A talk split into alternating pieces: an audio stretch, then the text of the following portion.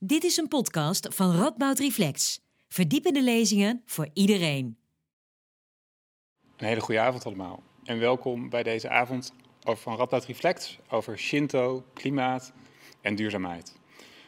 Heel fijn dat u kijkt op deze toch wel heel erg zonnige lenteavond uh, naar dit programma wat we samen organiseren met de Green Office van de Radboud Universiteit. Nou, en zoals de titel al een beetje doet vermoeden, gaat het vanavond over Shinto. Shinto is de Japanse natuurgodsdienst en daarin staat de natuur heel erg centraal. En je ziet dat in hedendaagse debatten steeds vaker naar boven komt van hey, kunnen we daar niet naar kijken? Kunnen we daar niet wat mee op het moment dat we klimaatverandering willen tegengaan of een duurzaamheidstransitie in gang willen zetten? Maar de vraag is of dat kan. Want wat, hoe kijkt men in Shinto naar, het, naar de natuur?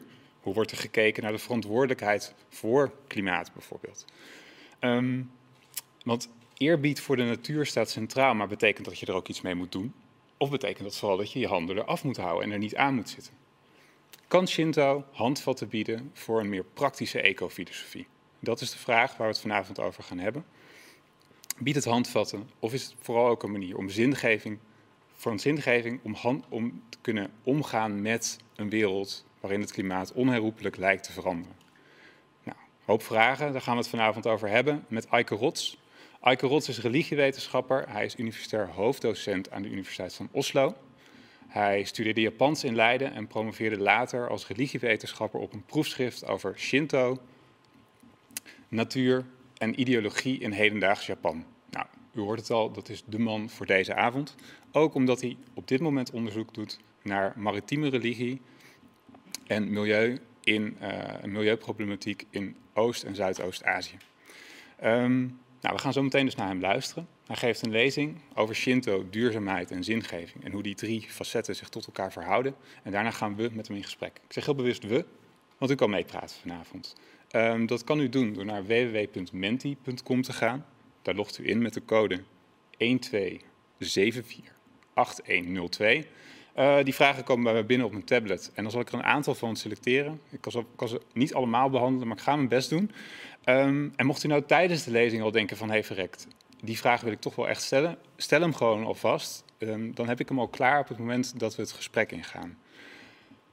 Dat is eigenlijk hoe de avond eruit gaat zien. Um, ik heb mijn Japanse les afgezegd om hier te zijn. Ik heb er in ieder geval heel erg veel zin in.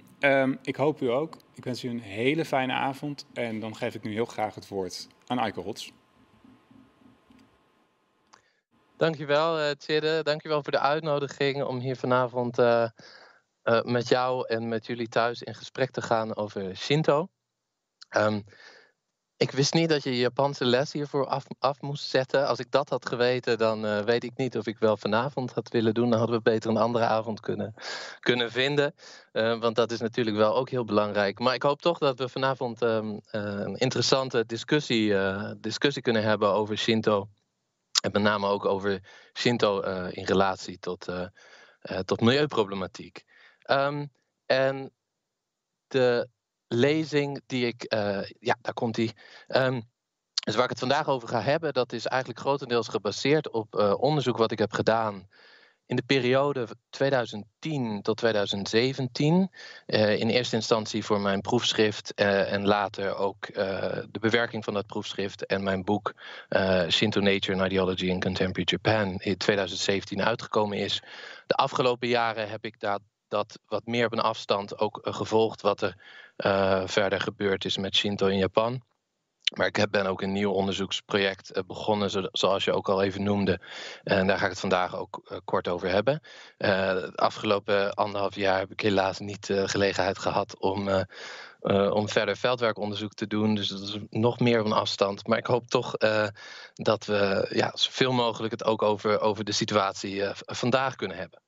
Um, maar voor we naar Japan gaan, dacht ik het is misschien leuk om te beginnen in Europa.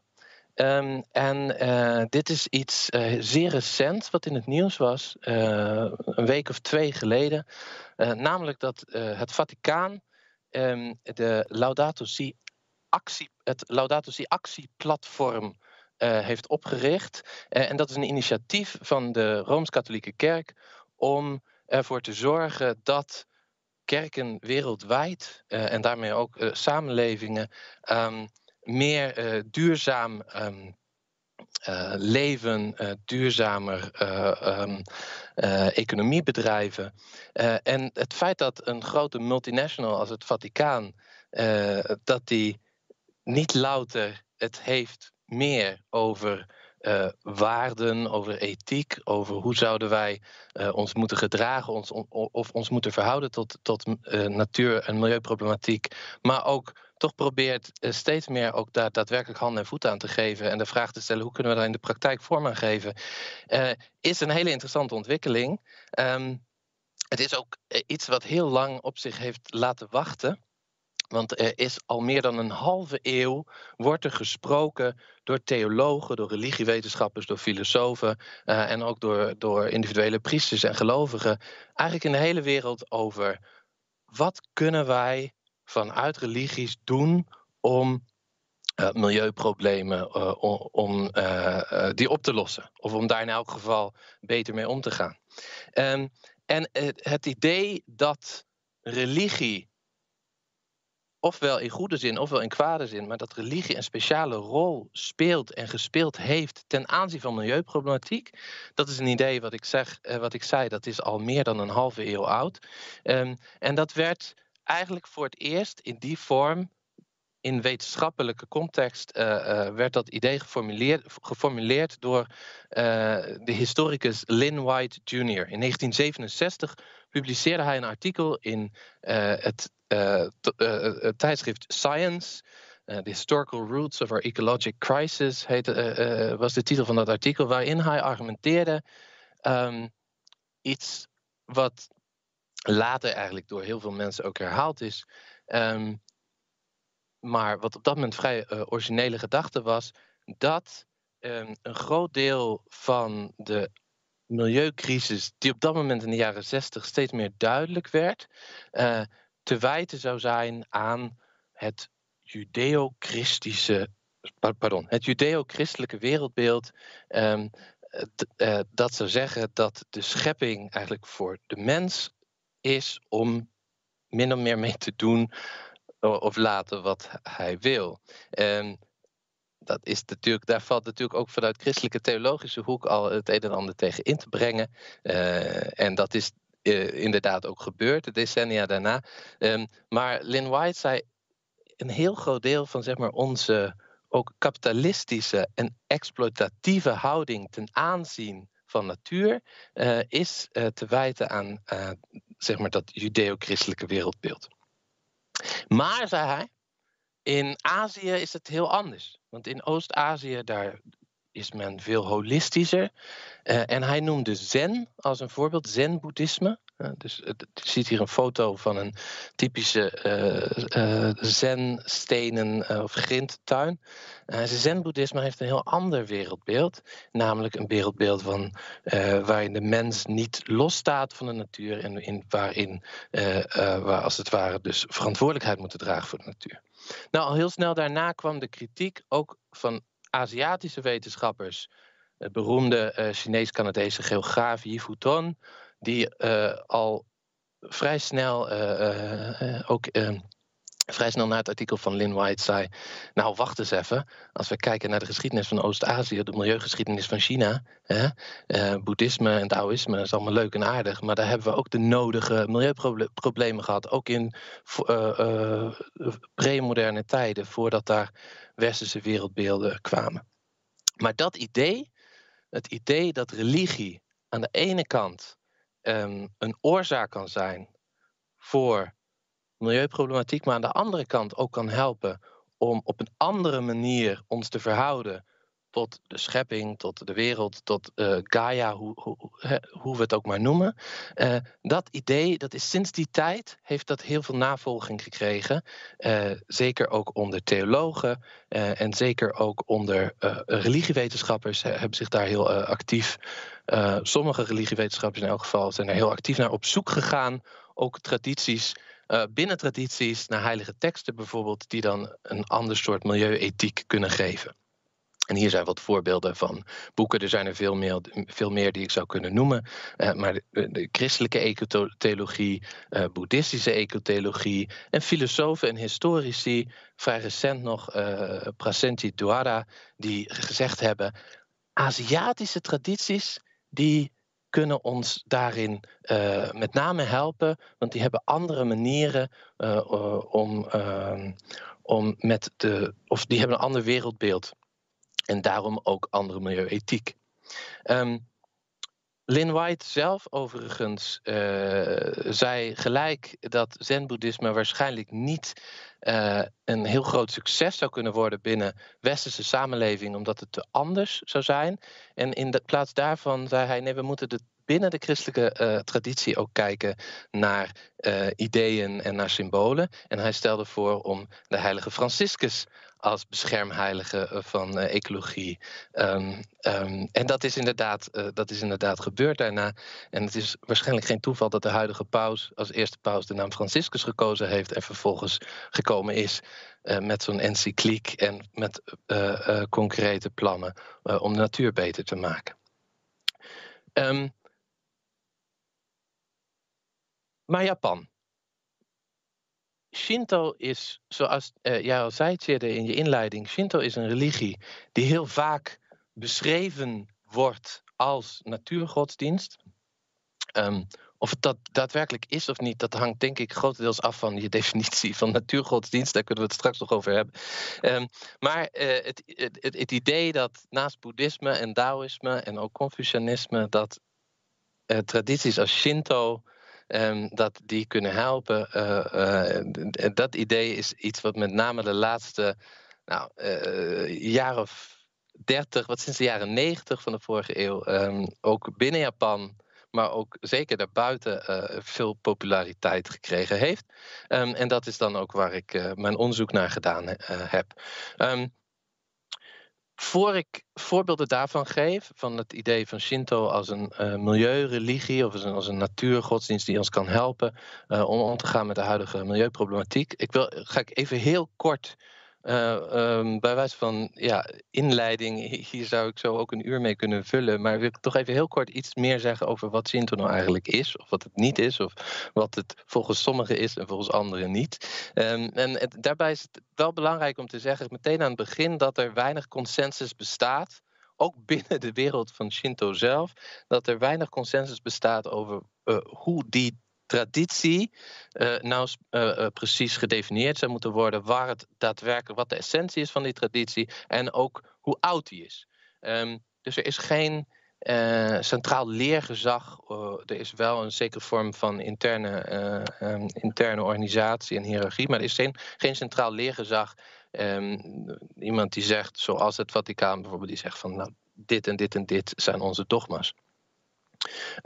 maar ja, heel in het algemeen zou je kunnen zeggen dat Shinto is een traditie die gericht is op um, rituelen. Die draait om rituelen. En het juist uitvoeren van rituelen. En die rituelen die uh, uh, hebben eigenlijk als doel om een goede band te creëren en in stand te houden tussen de mensen en tussen de goden.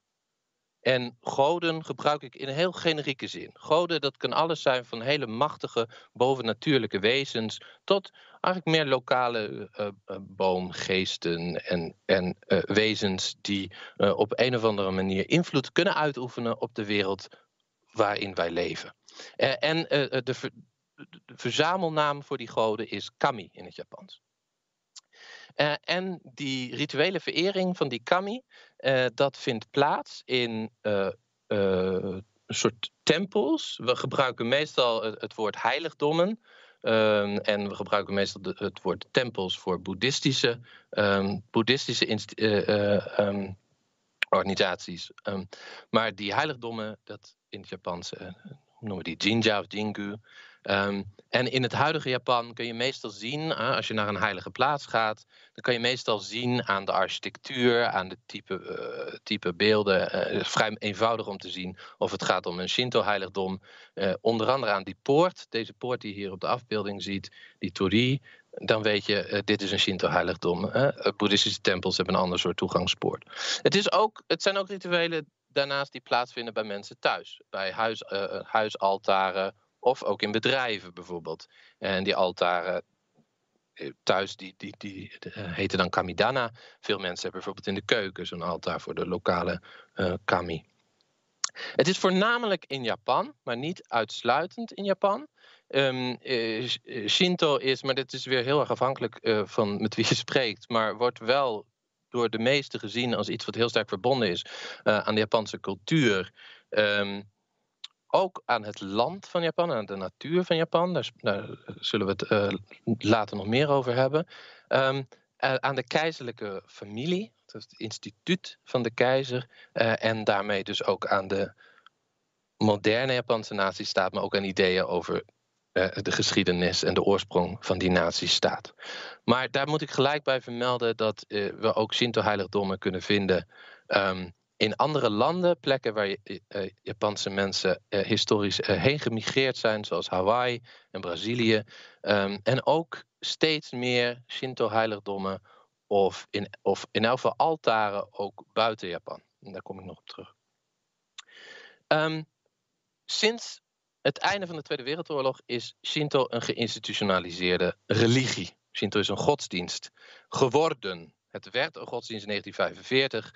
Uh, eh, de Amerikaanse bezetting um, uh, heeft toen, als het ware, Japan heeft een, een, een, sterke scheiding van religie en staat. En er werd gezegd, uh, Shinto moet onafhankelijk zijn, zijn eigen broek ophouden, kan niet meer door de staat gesponsord worden. Tegelijkertijd is het niet een religie die primair uh, gebaseerd is op lidmaatschap.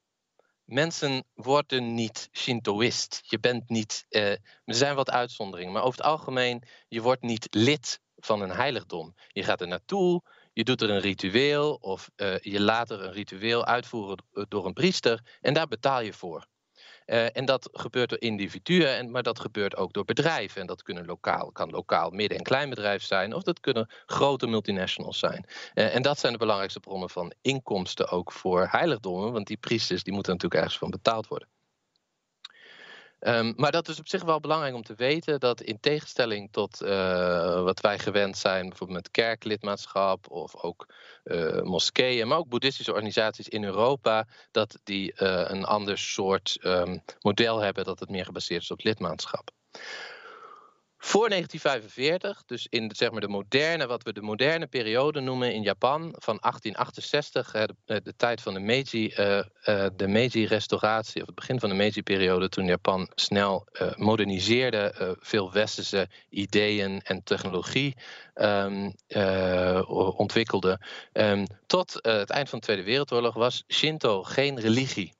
Het was een nationaal ritueel ideologisch systeem. Het wordt vaak gezegd, Shinto was in die periode staatsgodsdienst. Maar dat is uh, feitelijk onjuist. Maar het was wel degelijk verbonden aan ideeën over de Japanse staat. En uh, uh, burgers werden geacht deel te nemen aan rituelen. En de keizer stond daarin centraal. Daarvoor en dat is waar de historici veel ook van mening over verschillen. daarvoor uh, is Shinto eigenlijk een verzamelnaam voor verschillende lokale tradities, of ook wel uh, translokale tradities, maar tradities voor godenverering, grotendeels binnen een boeddhistische context. Dus de scheiding tussen boeddhisme, boeddhistische tempels aan de ene kant, boeddhistische instituten aan de ene kant en Shinto-heiligdom aan de andere kant, die vond plaats in 1868. Daarvoor is het veel meer met elkaar verweven. Dus Shinto, zou je kunnen zeggen, is ontstaan binnen een boeddhistische institutionele en um, ideologische context. Um, nou, er zijn veel mensen binnen Japan, ook binnen Shinto, maar ook daarbuiten, uh, zowel wetenschappers, maar vooral ook veel um, uh, Shinto-volgelingen en priesters, die Shinto beschouwen als in essentie een prehistorische traditie van natuurverering. Dus iets wat al bestond in Japan, voordat boeddhisme geïntroduceerd werd in het land, zo 6e, 7e eeuw na Christus. Uh, maar dat die vervolgens wel ook beïnvloed is hè, door boeddhisme en later ook door Confucianisme. Dus door uh, continentale invloeden zich door de eeuwen heen aangepast heeft. Maar dat er een soort oer-Shinto is die teruggaat naar die periode van daarvoor. En dit zijn vaak ook romantische nationalistische ideeën over het oorspronkelijke uh, Japan. Alsof de Japanse natie toen al bestond. Daar staat tegenover meer kritische historici die zeggen van nee, eigenlijk is, uh, weten we heel weinig over wat voor type verering of wat voor type rituelen mensen hadden voordat boeddhisme en ook het Chinese schrift werd ingevoerd. Want daarvoor daar hebben we geen teksten over, geen, in elk geval niet uit Japan. Uh, en dat uh, Shinto iets is wat eigenlijk veel later ontstond. Dus nou, daar gaan we verder, we gaan verder vandaag niet heel erg op in. Maar het is wel interessant om te zien dat er dus hele verschillende ideeën zijn. Uh, zowel binnen de wetenschap, maar ook daarbuiten. zowel binnen Japan als internationaal over wat Shinto is en hoe oud het is. en dat het idee dat Shinto een natuurreligie is die kan helpen met hedendaagse milieuproblematiek, dat is dat, dat gaat heel erg, dat bouwt heel erg voort op, op, op um, eigenlijk vrij romantische idealen over Shinto als een prehistorische, uh, als prehistorische natuurverering. Um, en dit idee is iets wat ik in mijn, uh, mijn, mijn boek, wat ik uh, een paar jaar geleden uitkwam. En daar staan ook veel meer voorbeelden, uh, voorbeelden in. Dus als je meer, meer hierover wil weten, dan ben je van harte welkom om ook mijn, mijn boek te lezen en te kopen natuurlijk. um, maar dat Shinto, um, um, het idee dat Shinto dus een oeroude, in elk geval prehistorische vorm van natuurverering is, die waar ook wel aangeduid met de, met de term animisme. Um, die door de eeuwen heen uh, overleefd heeft, zich ook aangepast heeft aan veranderende omstandigheden, maar die essentie behouden. En die nu vandaag de dag ons kan helpen uh, op een andere manier, op een betere, uh, groenere, meer duurzame manier ons te verhouden tot de natuur om ons heen. Dat is wat ik in mijn boek heb aangeduid met de term uh, Shinto Environmentalist Paradigm, of het Shinto Milieuparadigma. En dat is een idee wat in eerste instantie uh, door wetenschappers, zowel, religiewetenschappers, maar ook um, um, uh, ecologen en, en geografen uh, gepopulariseerd is vanaf, uh, vanaf zeg maar ja, 70, 80 van de vorige eeuw. En ook internationaal heel erg sinds de jaren 90. en die ook later door um, belangrijke Shinto-organisaties ook zo niet omarmd dan toch wel geaccepteerd is. Um, op deze afbeelding zien we een interreligieus congres dat plaatsvond in de heiligdommen van Ise. Ise worden algemeen beschouwd als de, de heiligste plek, behalve misschien het keizerlijk paleis, maar uh, de heiligste van alle Shinto-heiligdommen, uh, waar de, de zonnegodin Amaterasu vereerd wordt. Daar vond in 2014 vond een congres plaats waar um, vertegenwoordigers van religieuze organisaties, heel veel verschillende religieuze organisaties van de hele wereld, um, of uit de hele wereld, um, uh, samenkwamen in, in, in, in bij die heiligdommen uh, om daar uh, te spreken over wat kunnen religies doen om bij te dragen hè, aan, aan um, nou, meer duurzame samenleving. En dat werd georganiseerd door de Association of Shinto Shrines, dat is de, de koepelorganisatie als het ware, de centrale autoriteit van Shinto-heiligdom in Japan, in samenwerking met een, uh, een, een organisatie die uh, in het Verenigd Koninkrijk, of die daar zeg maar zijn hoofdkwartier heeft. En dat is Alliance of Religions and Conservation. Die werken ook samen met het Wereld Natuurfonds, met UNESCO. en dat is een soort, ja, dat is een, een, een, een niet, hoe heet dat, een NGO, hè? dus een, een, een niet-governementele organisatie die uh, samenwerkt met verschillende religies. Zichzelf beschouwt als een seculiere organisatie, maar die samenwerkt met verschillende religies om ze te helpen uh, die religies als het ware te vergroenen. Of ook de, de, bronnen in de religies te vinden. van hoe kunnen we nou um, een soort religieuze ja, milieuethiek. Hoe kunnen, we dat ook, hoe kunnen we dat ontwikkelen, maar hoe kunnen we dat ook in de praktijk brengen? Um, en dat was op zich in die zin een hele interessante ontwikkeling. Het heeft alleen niet zo heel veel concrete gevolgen gehad, behalve die ontmoeting en die gesprekken die daar gevoerd zijn. Althans, uh, voor zover ik weet. Maar als iemand daar voorbeelden van heeft, dan hoor ik dat graag. Um, een ander begrip wat erg centraal staat, uh, dat brengt ons ook op de vraag van, ja, wat dan, hoe gaat het dan concreet? Want je kunt zeggen, ja, een oude traditie van natuurverering, dat is allemaal heel uh, leuk en aardig. Maar wat zijn dan de, de, de wat, wat heb je daar dan concreet aan? Wat kun je daar dan mee? Um, en een begrip wat heel veel aandacht heeft gekregen in de Japanstalige literatuur, um, dat is het begrip Chinju no Mori.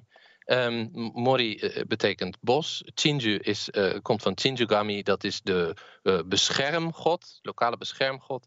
En Chinju no Mori is eigenlijk de term die gebruikt wordt om de heilige bossen aan te duiden, die vaak, je vaak kunt vinden rondom heiligdommen. Veel heiligdommen in Japan, ook in steden, die hebben, zijn doorgaans vrij klein, maar die hebben kleine plukjes bos. Um, en dat is ook um, nou, in een land waar zeker in de naoorlogse periode heel veel uh, plat gegaan is, heel veel gebouwd is, heel veel beton, uh, letterlijk beton gegoten is, zijn dat vaak een soort laatste restanten van, van oud natuurbos in urbane gebieden. En dat heeft dus ook veel aandacht gekregen binnen de Japanse wetenschap van God. Dankzij Shinto zijn, die, zijn die bossen bewaard gebleven.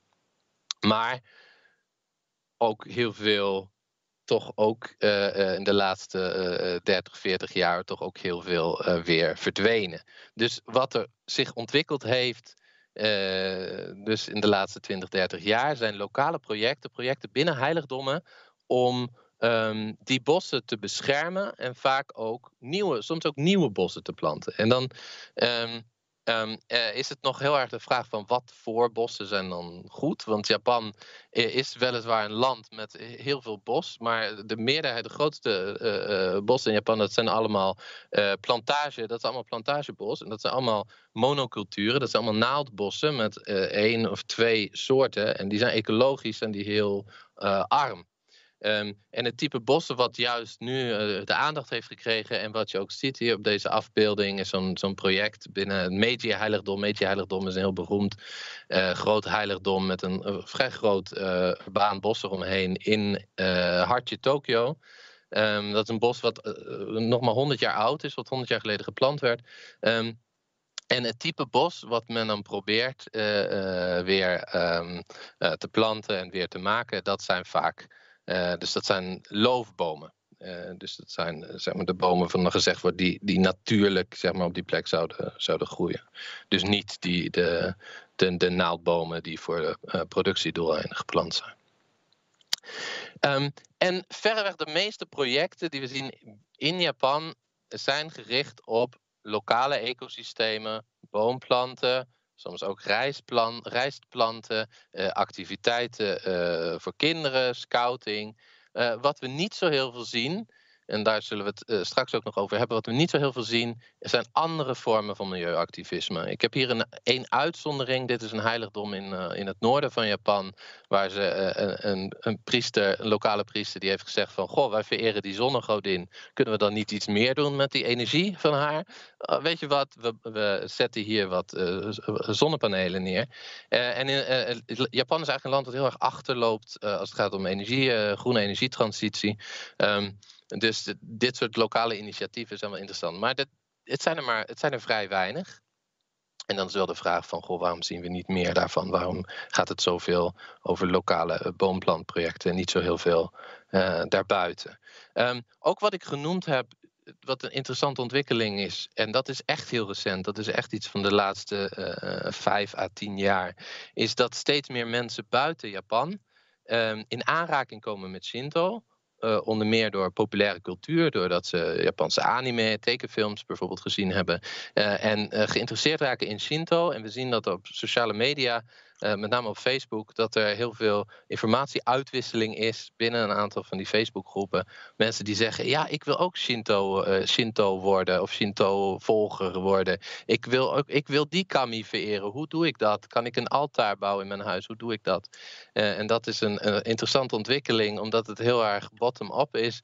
Er is eigenlijk geen enkele Japanse missie die daar een rol in speelt, maar dat komt heel erg vanuit mensen zelf.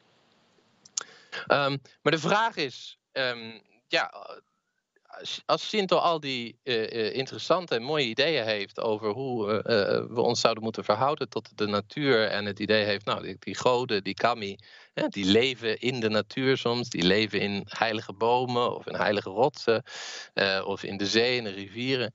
Um, als die ideeën er zijn, waarom met uitzondering van lokale boomplantprojecten, waarom hebben we dan nog niet meer gezien? Waarom gebeurt er dan zo weinig? En dat is, uh, hier zijn wat suggesties en, en ja, daar kunnen we dus later wat meer wat dieper op ingaan. Maar het eerste wat heel belangrijk is om uh, wel in gedachten te houden is, uh, Shinto is een to en dat betekent het is een weg. Het is iets wat je doet. Het is geen leer.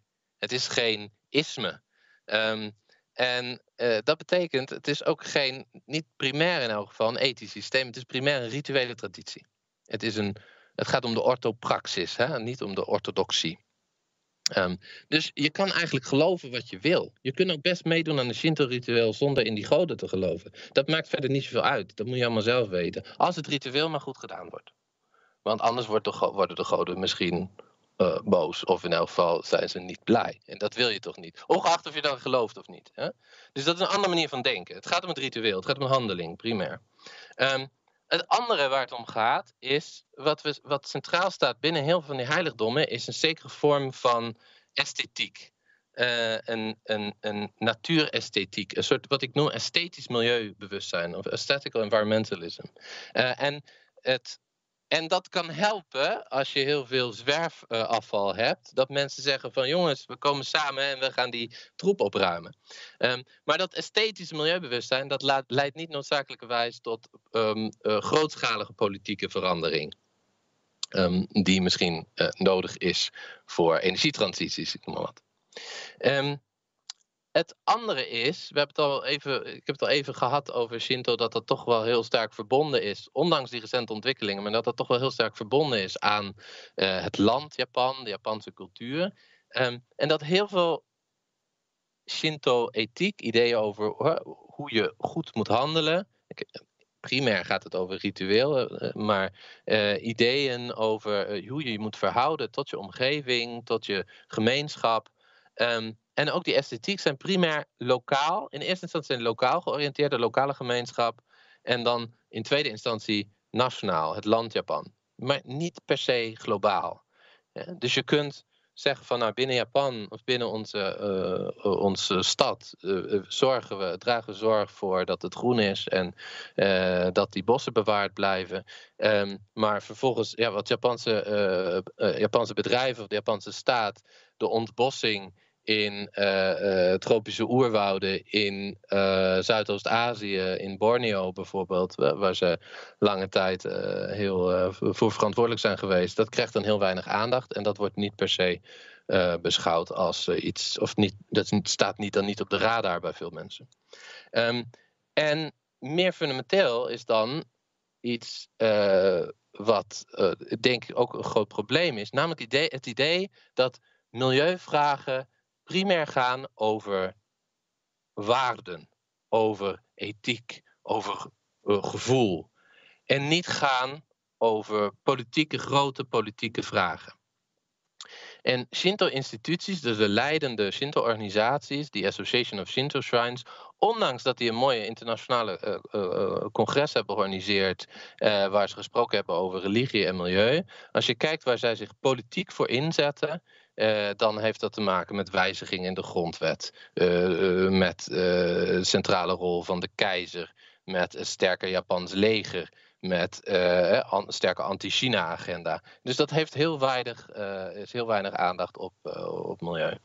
Um, en heel concreet, de meeste heiligdommen, de meeste priesters kunnen het zich helemaal niet veroorloven om activist te zijn, zelfs als ze zouden willen. Uh, want ze zijn afhankelijk van uh, bedrijfsleven ook gewoon omdat dat die bedrijven zijn die uh, rituelen komen uitoefenen. En dat hangt er weer samen met het feit dat zowel de Japanse staat als de meeste grote bedrijven in Japan bijzonder weinig interesse tonen voor energietransitie. en nog steeds heel veel fossiele brandstoffen bijvoorbeeld in Japan nog steeds heel veel gebruikt worden. Dus, um, en dit is het laatste. En daarna uh, kunnen we. Uh, is het tijd voor vragen en kunnen we in discussie gaan. Um, iets waar ik steeds meer, ook nu in mijn onderzoek, eigenlijk um, mee speel of over nadenk, is: is, die, is de vraag, is het wel de goede vraag? De vraag: kan religie of hoe kan religie ons helpen om problemen op te lossen? Is het niet uh, veel meer zo dat we moeten kijken naar hoe religie mensen helpt om betekenis te geven uh, aan de veranderingen waar ze mee geconfronteerd worden in hun dagelijks leven. En het, ik begrijp, het, is niet, het hoeft niet of het een of het ander te zijn hoor. Het kan natuurlijk allebei. Um, maar de, utilitaristische uh, benadering, namelijk kijken hoe kunnen we religie gebruiken. Um, denk ik, heeft misschien ook wel tot heel veel tijdverlies uh, geleid. Um, en dat uiteindelijk de veranderingen die nodig zijn, politiek, economisch, misschien technologisch, dat zijn misschien veranderingen die, niet, die religie niet kan brengen, of zeer beperkt. Maar dat wil niet zeggen dat wij niet um, dat religie daarmee minder belangrijk wordt. Alleen het wordt belangrijk op een andere manier. Het kan mensen helpen bijvoorbeeld om betekenis te geven. Het, kan mensen helpen om om te gaan met uh, wat uh, wetenschappers uh, tegenwoordig ecological grief noemen, rouwen uh, verlies, um, uh, de, de, de, crisis van, van onze tijd. Uh, en dit is iets waar ik naar kijk in mijn, mijn huidige project. Dus heel kort even tot, tot, tot slot.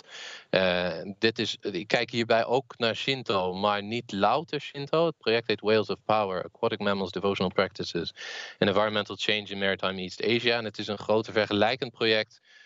wat gericht is, dus niet op op, op bossen, maar meer op de zee. En dan met name op uh, walvissen, op zeezoogdieren, uh, binnen populaire religie, binnen rituelen en de verhoudingen ook dan weer tot mensen en, en tot milieuverandering. Uh, dit is um, European Research Council die dit project financiert.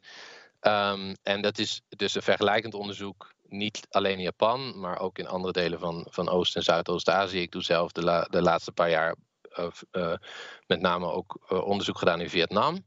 Um, en wij hebben in dit project.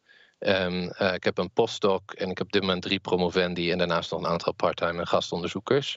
Um, en een van de doelen van dit project, nou, daar kunnen we het dan straks misschien nog wat meer over hebben, is de inzichten van environmental humanities, milieuhumaniora, ze noemen het in Noorwegen. Ik weet eigenlijk niet of dat in Nederland ook de, juiste term is, maar een soort nieuw interdisciplinair veld binnen de geesteswetenschappen, uh, waar uh, we kijken, mensen kijken naar religie, zowel in de geschiedenis, religie en cultuur, religie en, en, en oh, pardon, milieu en, en religie.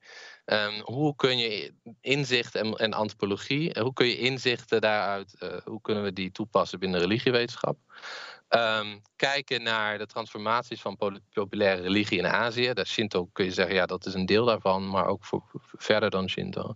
Uh, en meer ook vergelijkend onderzoek doen binnen, binnen Azië. Dus niet alleen vanuit een soort Oost Oost-West uh, tegenover elkaar zetten. Maar ook kijken naar de verschillen en de overeenkomsten bijvoorbeeld tussen, tussen Japan en uh, Okinawa en Indonesië en Vietnam. Daar hebben we dan op dit moment onderzoek.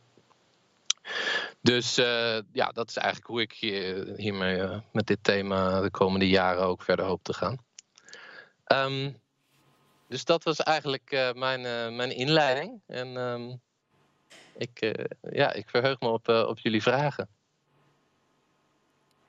Dankjewel, Eike. Als het goed is. Uh, ja, dankjewel. Um, ja, de, Graag gedaan. De, lezing, de, de, de, vragen stromen al binnen, dus dat is heel mooi. Oh, heel uh, goed. Ik kan iedereen vast even aanmoedigen om dat vooral te blijven doen. Voor degene die het uh, net gemist heeft, de code is. Dus je gaat naar menti.com en de code is 12748102. Dus keep them coming, zou ik zeggen. Um, ja, ik, ik heb zelf ook een aantal dingen opgeschreven, maar misschien is het goed om, om eerst met iets heel misschien meer historisch te beginnen. Want als je, toen wij het hier al eerder over hadden, zei van ja, Zen is heel erg uh, groot geworden ooit. Maar van Shinto hebben eigenlijk relatief weinig mensen hadden daarvan gehoord. Kan je iets zeggen over wat dat verschil verklaart? Dat, dat we hier wel best wel meer praktiserende boeddhisten hebben, maar de Shintoïsten nog vrij beperkt zijn? Ja. Um, Shintoïsten mag ik dat waarschijnlijk niet zeggen, maar ja. Van mij mag ik het zeggen, mm, mm. maar van hun niet. Oké. Ehm, eh, Zen werd heel populair in, uh, in eerste instantie de Verenigde Staten, dan ook in uh, Europa in de jaren 60, 70 van de, van de 20e eeuw. En, toen, en met name ja, een, bepaald, bepaalde vorm van Zen die erg gericht was op meditatie en gebaseerd op de teksten van, van D.T. Suzuki.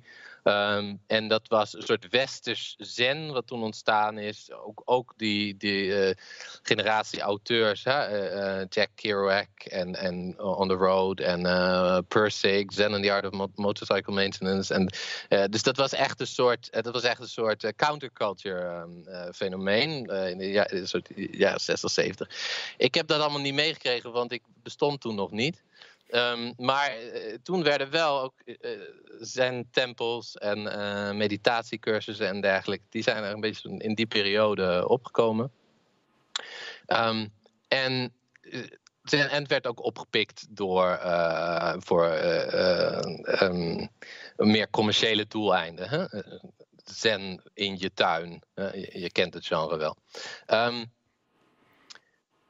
ik heb de indruk dat dat een beetje de laatste jaren uh, wat minder populair is. Als we kijken nu, uh, als ik kijk nu naar zeg maar, onze studenten of uh, jongeren op dit moment, tieners, twintigers, heeft, spreekt Zen eigenlijk veel minder tot de verbeelding dan, dan ik denk een jaar of twintig, dertig geleden. Um, en op dit moment zijn er dus veel meer jongeren die geïnteresseerd zijn in Shinto. Dus ik heb wel eens ergens uh, gezegd of geschreven: Shinto is de nieuwe Zen. Uh, en dat is het natuurlijk niet, want het heeft een heel andere, echt een heel, heel andere uh, geschiedenis. En, en Zen binnen Japan is gewoon een van de boeddhistische denominaties die zich met name bezighouden met begrafenisrituelen. Helemaal niet met medita meditatiecursussen overigens. Dus dat is echt een soort westers fenomeen. Um, uh, en Shinto heeft zich, in moderne tijd, op een hele andere manier ontwikkeld. En die populariteit van Shinto de laatste jaren, dat is toch wel voor een groot deel waarschijnlijk uh, te danken ook aan uh, Japanse populaire cultuur. En dan toch met name de, de tekenfilms van, van Miyazaki Hayao, die ik denk vrij veel mensen ook wel kennen. Ja, die ook inmiddels in Nederland op streaming, uh, streaming uh, kanalen te zien zijn. films als My Neighbor Totoro over een soort kami-achtig schattig teddybeerwezen die woont in zo'n heilig bos, zo'n Chinjinomori. Um, en die dan, uh, die meisjes. Uh, ja, mensen die de film niet hebben gezien, die hebben geen idee waar ik het nu over heb. Die moeten die film gaan zien. Uh, het is een erg goede film. En er zijn meer dat soort, meer dat soort films, populaire cultuur, Japanse populaire cultuur, die, die heeft bijgedragen aan ja, meer bekendheid over Shinto. En ik denk toch ook het feit dat, in elk geval voor de pandemie, dat het veel makkelijker werd voor heel veel mensen om te reizen en ook veel toerisme internationaal toerisme eh, naar Japan. En mensen die heiligdommen bezocht zijn, die dat interessant vinden, die dat fascinerende plekken vinden. Dus er zijn meerdere oorzaken voor. Maar op dit moment zou ik zeggen, Shinto is een stuk hipper dan Zen. Check, ja. Nou, Studio Ghibli kwam net ook al inderdaad al terug van een van de vragen uit het publiek. Iemand zegt, uh, hey, het is misschien een naïeve vraag, nou, dat wil ik nu al wel ontkrachten. Ik vind het een hele leuke vraag. Um, maar het viel me op dat in Studio Ghibli-films vaak Shinto-aspecten terugkeren. Um, en, en zou dat opgroeien met Ghibli nou ook al bijdragen aan iemands natuurbeleving? Uh, bijvoorbeeld als je het vergelijkt met een Disney-film, waar dat misschien minder in zit. Ja, het eerste wat ik moet zeggen is dat um, Ghibli-films ten eerste, het zijn hele goede films. Ik, ik, ik vind ze, en al van een aantal ervan, het zijn mijn eh, favoriete films. Ze zijn erg goed gemaakt. Um, maar ze zeggen natuurlijk, ze vertellen ons niet zo gek veel over Shinto, over de Japanse religie. Ze vertellen ons vooral heel veel over de, de, de creativiteit en over het genie van de maker. Uh, en de maker, Miyazaki, die heeft, oh, hij heeft niet alle Ghibli-films, maar hij is toch degene die het bekendst is. En ook Prinses Mononoke en, en Spirited Away en, en, enzovoort. Um, hij heeft wel gezegd dat hij zich heeft laten inspireren door Japanse mythologie, uh, door Shinto ook. Um, maar op, nou, zeggen, een hele vrije manier. En het, het is zijn vooral heel veel, heel veel van zijn ideeën. Uh, dus ik, wat ik vaak doe is, ik, ik verwijs naar die films en dan zeg ik, nou hier zijn bepaalde thema's die ook in Shinto voorkomen. Bijvoorbeeld het thema van uh, de, natuurreligie en, en of het thema van de Shinji no Mori in Totoro. Uh, er zijn bepaalde thema's die je kunt discussiëren aan de hand van die films. Maar de films als zodanig zijn niet uh, betrouwbare bronnen. Maar dat hoeft ook niet. Maar ze, kunnen ons wel aan het denken zetten. Precies. En het tweede deel van de vraag, het tweede deel van de vraag was uh, of dat dan kan helpen om een bepaalde een ander soort um, milieuethiek dan uh, Disney-films. Dat weet ik niet. Ik ben geen pedagoog. Maar ik denk niet dat in het huidige Japan, waar generaties opgegroeid zijn uh, met die films, dat mensen meer milieubewustzijn hebben dan in Europa of de Verenigde Staten. Dus dat lijkt me niet dat, eh, ook al, ook al spreken die films je aan, dat je daardoor dan ook uh, ja, meer bewust bent uh, van milieu. Daar zijn toch wel andere, andere dingen voor nodig. Um, wat wel heel interessant is om te zien, denk ik. Maar goed, ik ben geen filmwetenschapper, dus dit, dit is even voorzichtig. Maar ik vind, ik, het is wel leuk om het te zeggen. Is dat Disney, hè, die heeft de internationale rechten van Studio Ghibli. En, die, uh, en ik, ik denk dat Disney, ik heb de indruk gekregen dat Disney de laatste jaren, als je ziet naar de meer recente Disney-films. Uh, en ik zie al die recente Disney-films, want ik heb jonge kinderen. Um, uh, Frozen bijvoorbeeld. Je ziet dat die veel minder zwart-wit zijn. Ik bedoel van goed tegen het kwaad. Hè? Dit is de bad guy en dit is de held of de heldin. Uh, je ziet dat die veel meer soort uh, genuanceerde uh, personages hebben. Um, dan de, de oudere Disney-films. Of dan zelfs maar de Disney-films uit de jaren negentig, waar, waar, waar ik mee opgroeide. Um, en ja, daar kan je over speculeren. Maar ik heb toch de indruk af en toe, als ik nu recente Disney-films zie, denk ik, ja, die hebben ook goed naar, uh, naar Ghibli gekeken. En die hebben zich daar wel, wel degelijk door laten inspireren. Hmm. Maar goed, dat is een, een, een, ja, een beetje speculeren, maar dat, uh, uh, dat denk ik wel. Um, laten we een beetje inzoomen op Shinto zelf, want er komen ook wel een aantal vragen over binnen. Wat ik, nou, we hadden het inderdaad in het begin al over, ik zei natuurreligie. Jij zei, nou, daar is, daar is best wel een beetje strijd over, of je dat nou zo moet noemen. Kan je wat meer zeggen over hoe natuur begrepen wordt binnen de context van Shinto? Of de Shinto's, misschien moet ik zeggen. Ja, um, er is een. Um, er is een heel sterk idee binnen uh, moderne Japanse. Um, modern Japans nationalisme, de Japanse literatuur, de Japanse kunst. Dat de Japanners, het Japanse volk. dat die een bepaalde. een, een uh, unieke liefde hebben voor de natuur. Dat, die, dat, die een, dat de Japanse samenleving, in elk geval de traditionele Japanse samenleving, gekenmerkt werd door uh, harmonie tussen, tussen mensen onderling.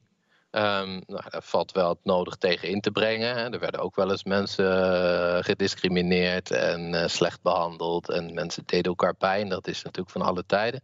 Maar het, het, idee dat de, tradition, de, traditionele Japanse samenleving gekarakteriseerd werd door harmonie. Zowel tussen mensen onderling, maar ook tussen mensen en de natuur en hun omgeving. Dat is een idee dat heel sterk staat binnen uh, de, zeg maar, modern Japans natievorming. Ideeën over wie zijn wij?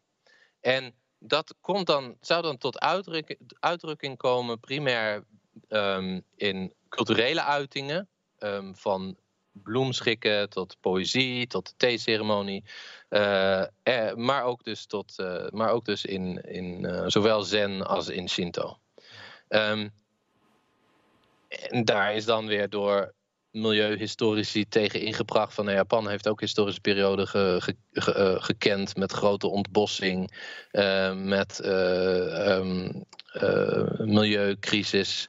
Ehm, zowel in de premoderne als ook in de moderne tijd. Dus, dus er zijn zeg maar allerlei voorbeelden van dat dat in de praktijk, dat, het, dat die waarden weliswaar uh, heel uh, betekenis hadden voor mensen.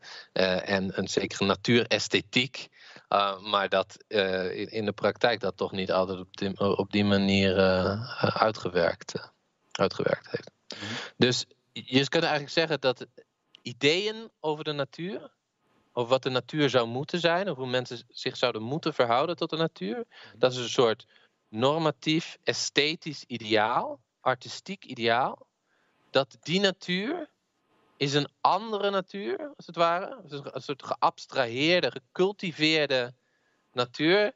Eh, dat dat vrij ver afstaat van de wilde, boze buitenwereld, zeg maar, de, de, de, de, de, uh, de natuur zoals die, zoals die echt is en zoals die gevaarlijk is. Of zoals, en dat, dat mensen dat juist ook historisch juist als beangstigend uh, en gevaarlijk beschouwden. Wat niet gek is, want Japan is ook een land waar heel veel natuurrampen en dergelijke plaatsvinden. Uh, en dat daar juist ook het idee uit voorkomt, historisch, dat die natuurgoden dat is, die zijn allemaal niet zo lief en aardig allemaal. Die konden behoorlijk spoken. Die konden behoorlijk uh, problemen veroorzaken als je ze tegen je had. Dus dat heel veel van die rituelen eigenlijk voorkomen niet zozeer uit verering of uh, liefde voor de natuur, maar veel meer uit angst voor hoe gevaarlijk en onvoorspelbaar de natuur wel niet zou kunnen zijn. Ja, ja precies. Dus is het dan, ik koppel hem even aan een vraag uit het publiek. Dus, dus dat, dat esthetische, daar wordt wel een soort verantwoordelijkheid voor gezien. Maar voor die, ik ga het nu maar even de echte natuur noemen of de wilde natuur. Daar zit meer een angst en daar, daar, mag, je wel op daar mag je wel op ingrijpen. Ja, of dat is niet, um, hoe zou ik het zeggen? Dat is niet in eerste instantie uh, um, uh, aanwezig. Dus je hebt het zichtbare, je hebt het lokale en je hebt een zekere verantwoordelijkheid om dat netjes te houden en om goede. Uh, dat is allemaal natuurlijk prima. Dat is natuurlijk belangrijk dat mensen verantwo verantwoordelijkheid voelen voor hun uh, lokale leefomgeving. Daar valt weinig tegen in te brengen. En dat een, als een Shinto-heiligdom daartoe kan bijdragen. Um, dan, dan is dat denk ik heel, heel prima. maar dat vertaalt zich niet noodzakelijkerwijs in een meer abstract milieubewustzijn, zo van hè, over klimaatverandering bijvoorbeeld. Dat is een planetaire crisis. Dat is niet iets wat uh, lokaal, ja, dat heeft lokaal natuurlijk overal heeft dat allemaal gevolgen. Mm -hmm. Maar dat is niet iets wat uh, lokaal uh, valt op te lossen. En die, um, en die, en dat vereist een ander soort een ander soort ethiek, een ander soort milieubewustzijn. Namelijk, we're all in this together. We zitten allemaal uh, in hetzelfde. En sommige. Uh, en, en ook dat daar ongelijkheid in is, wereldwijd. Dat sommigen veel minder gevolgen van klimaatverandering voelen dan anderen. En dat dus zeker rijke landen, Japan is de derde economie van de wereld. Japan heeft een aantal van de grootste bedrijven, van de grootste multinationals van die wereld. Dat die daar speciaal een grote verantwoordelijkheid voor hebben met hun ecologische voetafdruk. Dat bewustzijn, ja, er zijn misschien wel, men, wel, mensen die dat denken, maar dat wordt niet gezien als iets wat samenhangt met Shinto. Dat wordt nee. gezien als twee uh, totaal verschillende dingen. En het Shinto establishment, hè, het Shinto leiderschap, die ziet dat ook niet als hun taak. Die ziet dat iets wat, waar zij verder niks mee te maken hebben. Nee, nee. Dus, dus uh, een van de mensen die je vraag instelt, die zegt: ja, oké, okay, het christendom, daar hadden we in het begin natuurlijk al even over, dat heeft, kent wel zoiets als rentmeesterschap. Nou, ik kan me voorstellen dat in de moderne theorieën van groene theologie dat juist omarmd wordt. In ja. Shinto is een dergelijk begrip, is er dan niet? Um, ik ken niet een equivalent van dat begrip. Nee. Nee, nee. Maar dat, zou niet, dat wil niet zeggen dat het niet kan ontstaan. Hè? Want dat is ook iets van Shinto is natuurlijk wel uh, is ontzettend flexibel. Het heeft zich, en, en dat is het, het, interessante van Shinto. Aan de ene kant is het het idee van het is, al, het is oeroud en het heeft al die eeuwen is het eigenlijk uh, heeft het uh, overleefd, heeft blijven bestaan. En aan de andere kant, ja, maar hoe dan? Juist door zich voortdurend aan te passen aan die veranderende omstandigheden. Um, dus er is eigenlijk wat dat betreft is het heel prima, is het heel goed mogelijk. En ik ken ook wel mensen die dat, die ideeën hebben. Um, zo te zeggen van, ja, vanuit Shinto, dat idee, de, de, de, goden leven in de natuur. De goden zijn niet transcendent, die zijn niet ergens ver weg in de een of andere hemel. Die zijn hier. Dus als je dat, dat kan je best universaliseren. Door te zeggen, nou, die zijn ook niet alleen in die bomen in Japan. Die zijn ook in bomen in Nederland of in Noorwegen of weet ik veel wat. Uh, dus dat, kan, dat zou je kunnen vertalen in een universele milieuethiek, als je dat zou willen. Maar dan zit je alsnog met de vraag, waar ook natuurlijk die christelijke ecotheologen niet echt antwoorden op hebben, uh, van hoe vertaal je dat naar uh, het hele snelle handelen, namelijk heel snel de transitie maken. Uiteindelijk gaat het allemaal over energie uh, en uh, vleesconsumptie en, en dergelijke. Maar uiteindelijk gaat het om die ecologische voetafdruk binnen nu en uh, de komende 10, 20 jaar met z'n allen gigantisch omlaag te krijgen. En hoe doe je dat? En wat is de rol die religie daarin kan spelen? Mm. Ik denk dat die rol uiteindelijk dat die toch wel heel erg beperkt is. En daar komt niet, daar komt niet de grote activisme uit voor. De echte activisten, dat is wat je nu in Nederland ziet, dat is dat mensen naar de rechter stappen en dat die zeggen van luister, we hebben internationale verdragen, we hebben wetten en de staat heeft zich daaraan te houden. En dat gebeurt niet op dit moment. En de rechter zegt, ja, jullie hebben gelijk. Dat, dat, dat is de verandering, daar komt verandering uit voort. En uh, ja, dan kan, dan kan, kunnen religieuze leiders die kunnen dat steunen en dat is heel goed. En ik denk dat het belangrijk is als die dat, dat steunen. Mm-hmm. Maar die kunnen dat niet um, um, in hun, dat is niet centraal daarin. Nee. Nee, want oké, dus, dus dan is er, dus misschien net, je zegt oké, in, potentie heeft dat normatieve heeft het in zich, maar in de, in de vertaalslag naar de praktijk hmm, kunnen we twijfels hebben. Dus ook iemand die zegt van nou, als ik dit allemaal zo hoor, dan denk ik dat ik vrij weinig kan verwachten van zowel Japan als Shinto, als het gaat om vergaande positieve milieuontwikkelingen. Um, kan je daar wat meer over zeggen? Kan je een voorbeeld geven misschien van wat lukt er nou wel in Japan? Ik zie, als, toen ik in Japan was, zag ik waren nergens afvalbakken. Iedereen ruimde inderdaad braaf zijn eigen afval op. Maar dat blijft natuurlijk heel klein. Kan je een voorbeeld geven van iets wat, wat wel lukte en misschien iets van wat, wat niet goed gaat? Ja, um, ik denk dat het, dat het goed is om. Um, um, dan wordt het weer inzoomen op lokale initiatieven. Mm -hmm. En daar zijn een aantal initiatieven bijvoorbeeld, uh, er is één, één, één uh, heiligdom dat ik ook uh, bespreek in mijn boek. Dat is een priester geweest. Dus het zijn vaak ook individuen of het zijn kleine groepjes mensen. dit is een priester geweest en die, die kreeg dat heiligdom of die, die nam het over. Dat, zit, dat zijn vaak familie, dat zit vaak in de familie. Hè? Dus als ouders overlijden, dan is het vaak de zoon of soms de dochter die dat overneemt. In elk geval, maar hij kreeg dat, dat heiligdom. En op dat moment um, was dat, dat gebied. Dit, was, dit is een, een uh, ja, vrij landelijk gebied, een uh, paar uur van Tokio. Uh, een beetje bergachtig, maar ook rijst, rijst landbouw en zo.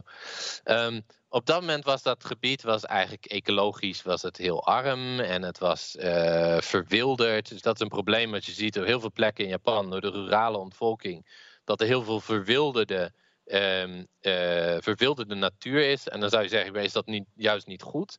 Uh, vaak vanuit ecologisch perspectief is het dat niet, omdat dat zijn heel veel van die plantagebossen die dan verwilderd zijn. En daar zijn dan heel weinig er kan heel weinig groeien, er kan heel weinig leven. Er is heel veel, een eh, paar soorten onkruid en een paar soorten bomen die groeien dan.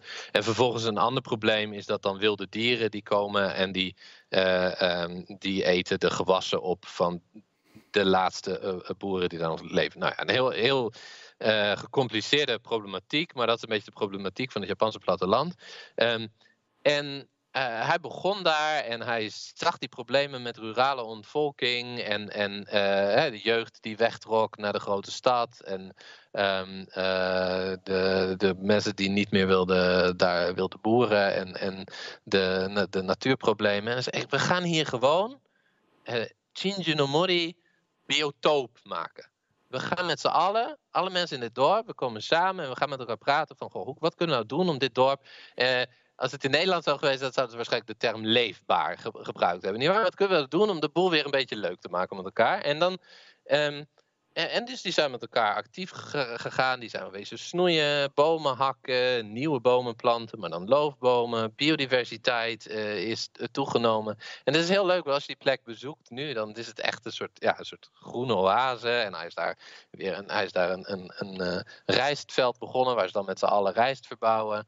Uh, kinderen uit de buurt die daar zijn komen spelen. Dus dat heeft, hij heeft ook dan weer educatieve, pedagogische waarde. Um, hij is ook actief als een, uh, een uh, gevangenispastor.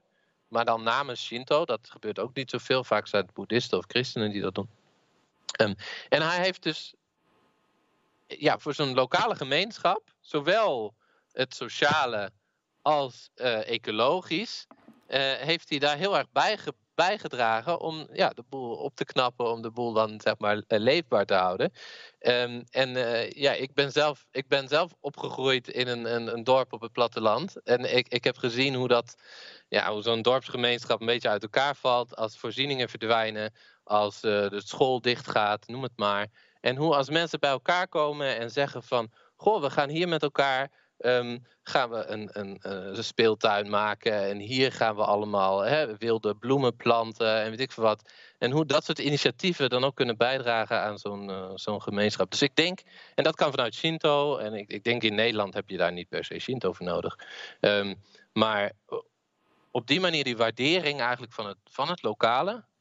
Ik denk dat, daar heel veel, dat dat heel veel waarde heeft. Maar het is, dus het is niet het een of het ander. Dus ik denk op, dat, op, dat, op die schaal op dat lokale niveau dat, dat um, individuen, groepjes, dat zo'n heiligdom een hele positieve rol kan spelen. En ik heb daar een aantal voorbeelden van gezien. Um, tegelijkertijd denk ik ook dat op nationaal niveau, op politiek niveau, er een grote verandering nodig is.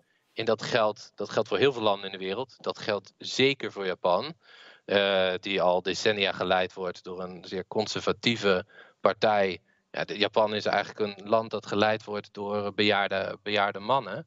En nou heb ik op zich niks tegen bejaarde mannen, maar um, uh, in Japan hebben ze niet allemaal, en ook in andere landen overigens, die, denken niet allemaal heel erg aan wat nodig is uh, voor de toekomst. En daar zou je hopen, denk van, nou, als, als Shinto-lobbyorganisaties, als die inderdaad die politieke invloed hebben, dat ze ook op dat niveau, op die nationale schaal, mhm. wat uiteindelijk dan ook internationaal natuurlijk eh, relevant is, dat ze daar ook uh, zich zouden inzetten voor, uh, voor milieuproblematiek. Dus, op, dus lokaal gebeurt er het een en ander, wat heel interessant is. En ik denk heel, wat we ook nodig hebben. Maar tegelijkertijd hebben we die nationale en die internationale veranderingen heel snel nodig. En, en daar zie ik niet, nog niet uh, dat, uh, ja, dat religie echt heel veel kan of heeft. Misschien zou het wel kunnen, maar nog niet heel veel heeft, heeft betekend. Ja, dat die politieke dimensie is misschien wel aardig om even door te gaan. Ik ga proberen een paar vragen even te bundelen. Um, want een van de personen die, die stelt, hoe, hoe kan het nou, kan je uitleggen misschien, um, hoe het komt dat Shinto ook nu in het, in het hedendaagse Japan nog zo nauw verbonden is met dat conservatief nationalisme? En de follow-up vraag is dan, um, speelt dat dan ook, die, die de loyaliteit naar de Nationale Conservatieve Partij, speelt dat ook een rol in de kleinschaligheid en de nou, misschien beperkte ecologische projecten? Dus dat er relatief weinig verzet is? Ja, goede vraag. Hele goede vraag. Um, voor de verreweg de meeste, um, verreweg de meeste Japanners is Eigenlijk de categorie Shinto is eigenlijk niet zo belangrijk. Shinto is belangrijk voor historici en voor priesters. Um, maar voor de meeste Japanners is Shinto niet zo'n relevante categorie. Wat wel belangrijk is, is het lokale heiligdom. Mm -hmm. je, je, je, lokale jinja. En daar ga je heen met nieuwjaar, om te bidden voor het nieuwe jaar. Um, om amuletten te kopen. Uh, die neem je dan mee naar huis. Die zet je dan op de kamidana, op het altaar in de keuken. Um, uh, dat heiligdom is belangrijk um, als je kinderen drie jaar oud worden en vijf jaar en zeven jaar, want dan neem je ze mee en dan heb je van die speciale feestelijke uh, rituelen. En het heiligdom is belangrijk voor het jaarlijks festival. Want dat, dat speelt een centrale rol daarin. En dan uh, komt de hele buurt, die loopt uit en die gaat met zo'n draagbare, draagbare schrijn, als het ware, een, een Mikoshi heet dat. Um, zo'n soort draagbaar altaar wordt dan door de buurt uh, getild en mensen zingen en dansen en drinken en eten en feesten. Dat is een beetje carnavalachtig gebeuren. Um, en je gaat misschien ook nog wel eens naar dat heiligdom als je iets speciaals, iets nodig hebt. Bijvoorbeeld je hebt een examen. En je moet natuurlijk goed studeren voor dat examen. Maar een beetje hulp van boven, of misschien dat die goden niet boven je zitten, maar misschien zitten die om je heen. Maar het is een beetje hulp van uh, de goden, dat kan dan geen kwaad. Baat het niet, dan schaadt het niet. Um, en als je een bedrijfje begint, dan wil je toch, of als je een nieuwe auto koopt, dan wil je dat toch ook wel ritueel even laten reinigen door die priester. En daar heb je dan ook toch wel weer uh, een paar honderd euro voor over om dat goed te laten doen. Dus um, dat is het heiligdom voor de meeste mensen.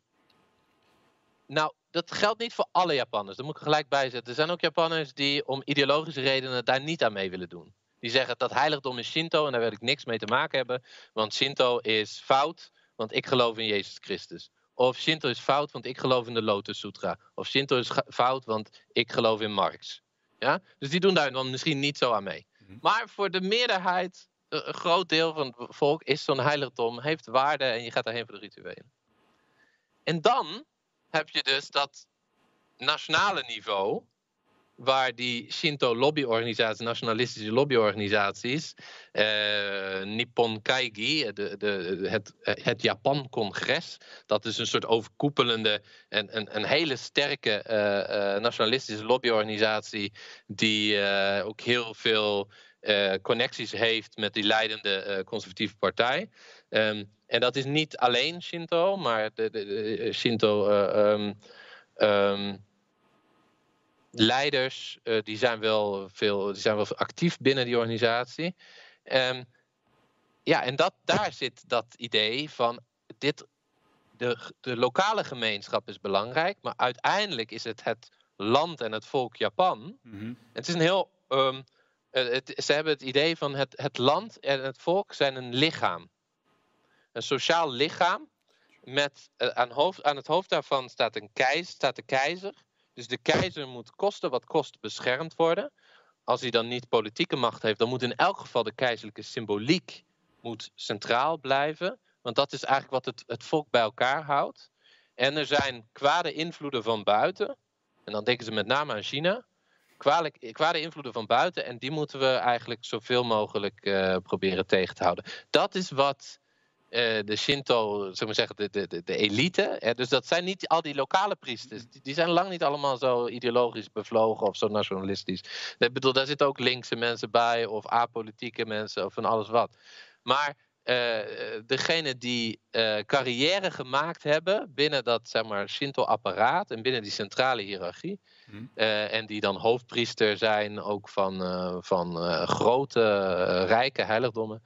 Uh, die zitten vaak uh, wel echt op die nationalistische lijn. En dat, en dat, voor de meeste mensen zijn dat echt twee aparte werelden. Maar goed, daar zitten natuurlijk wel connecties tussen. Ja, nou, ik, het is wel aardig, want in het begin, ik herinner me dat je in het begin van je lezing zei dat individuen kunnen betalen voor dergelijke rituelen, maar bedrijven ook.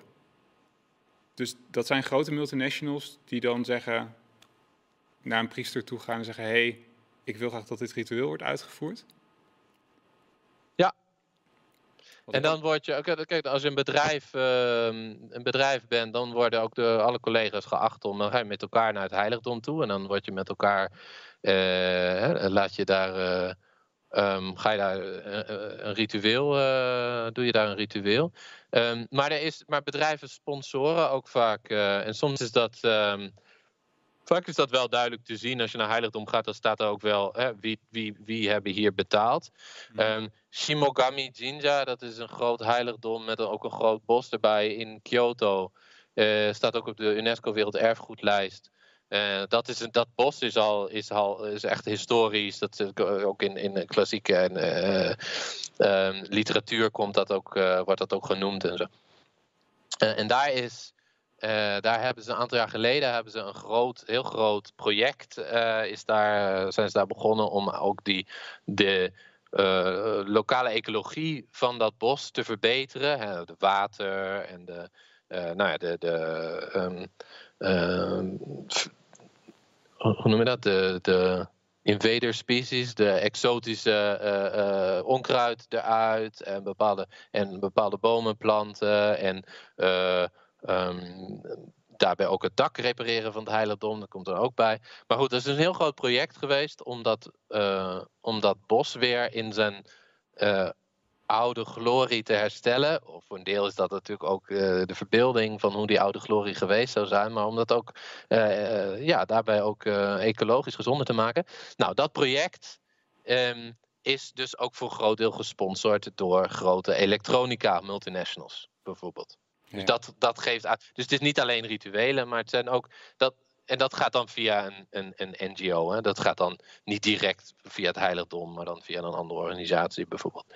Um, maar dat soort vormen van um, ja, corporate sponsorship, uh, dat bedrijven actief zijn, al dan niet direct door ook rituelen te doen, of uh, meer indirect door dit soort projecten te sponsoren, dat is, heel, dat is heel gebruikelijk, dat is heel normaal in Japan. Ja. Ja, ik kan me wel voorstellen dat die disbalans van grote bedrijven die daar invloed op hebben, dat dat lastig is voor jou als individuele, misschien meer ecologisch-minded Shinto-beoefenaar, om dan nog een soort transitie in gang te zetten als je dat al zou willen? Ja, nou ja, nogmaals, voor de, vele, voor de meeste beoefenaars voor de me, eh, eh, gaat Shinto gaat uiteindelijk gewoon om, uh, om, om daar die rituelen te doen. Ja. Maar ik, ik denk dat het voornamelijk onder priesters, en dat is interessant en dat is iets waar ik ook misschien eh, later in de toekomst hopen ook nog meer onderzoek te kunnen doen. Gewoon meer priesters uh, uh, te spreken. Ik heb natuurlijk een aantal priesters geïnterviewd, uh, ook voor, voor dit onderzoek. Ehm, maar, um, um, maar meer gewoon verschillende priesters in verschillende delen van het land. Jong, oud, man, vrouw. en gewoon te vragen van, goh, wat vind je hier nou van? Maar mijn indruk is dat je vaak als je met jongere priesters spreekt, dat die vaak heel erg geïnteresseerd zijn, in elk geval in deze thematiek. En die zeggen, dit, dit is heel belangrijk. En, maar tegelijkertijd, ja, of ze zitten dat ze de verantwoordelijkheid hebben voor zo'n lokaal heiligdom en dan ja, dan kan je al nauwelijks. Het is al moeilijk om rond te komen. En dan hè, op een gegeven moment, je hebt zo'n lokaal heiligdom, je hebt het druk met al die rituelen. En dan krijg je kinderen. Nou, je kent het wel. En je hebt eigenlijk niet echt um, tijd om nog echt activistisch te zijn. Dus dat is aan de ene kant. En aan de andere kant heb je die jonge priesters die echt een carrière willen maken binnen zeg maar de grote rijke mm. heiligdommen, dus binnen het, het, het, het Shinto-apparaat, zeg maar centraal. Um, en, en, ja, of, en soms is het ook een, dat ze een tijdje dit doen en dat ze dan op een gegeven moment een, een heiligdom erven van hun ouders. En dat ze dan weer uh, teruggaan naar het platteland. Uh, maar je ziet onder die jonge priesters zie je dat er heel veel interesse is. Ik heb een aantal, een aantal uh, ontmoet die, die zeggen: dit is echt een van de belangrijkste thema's binnen Shinto.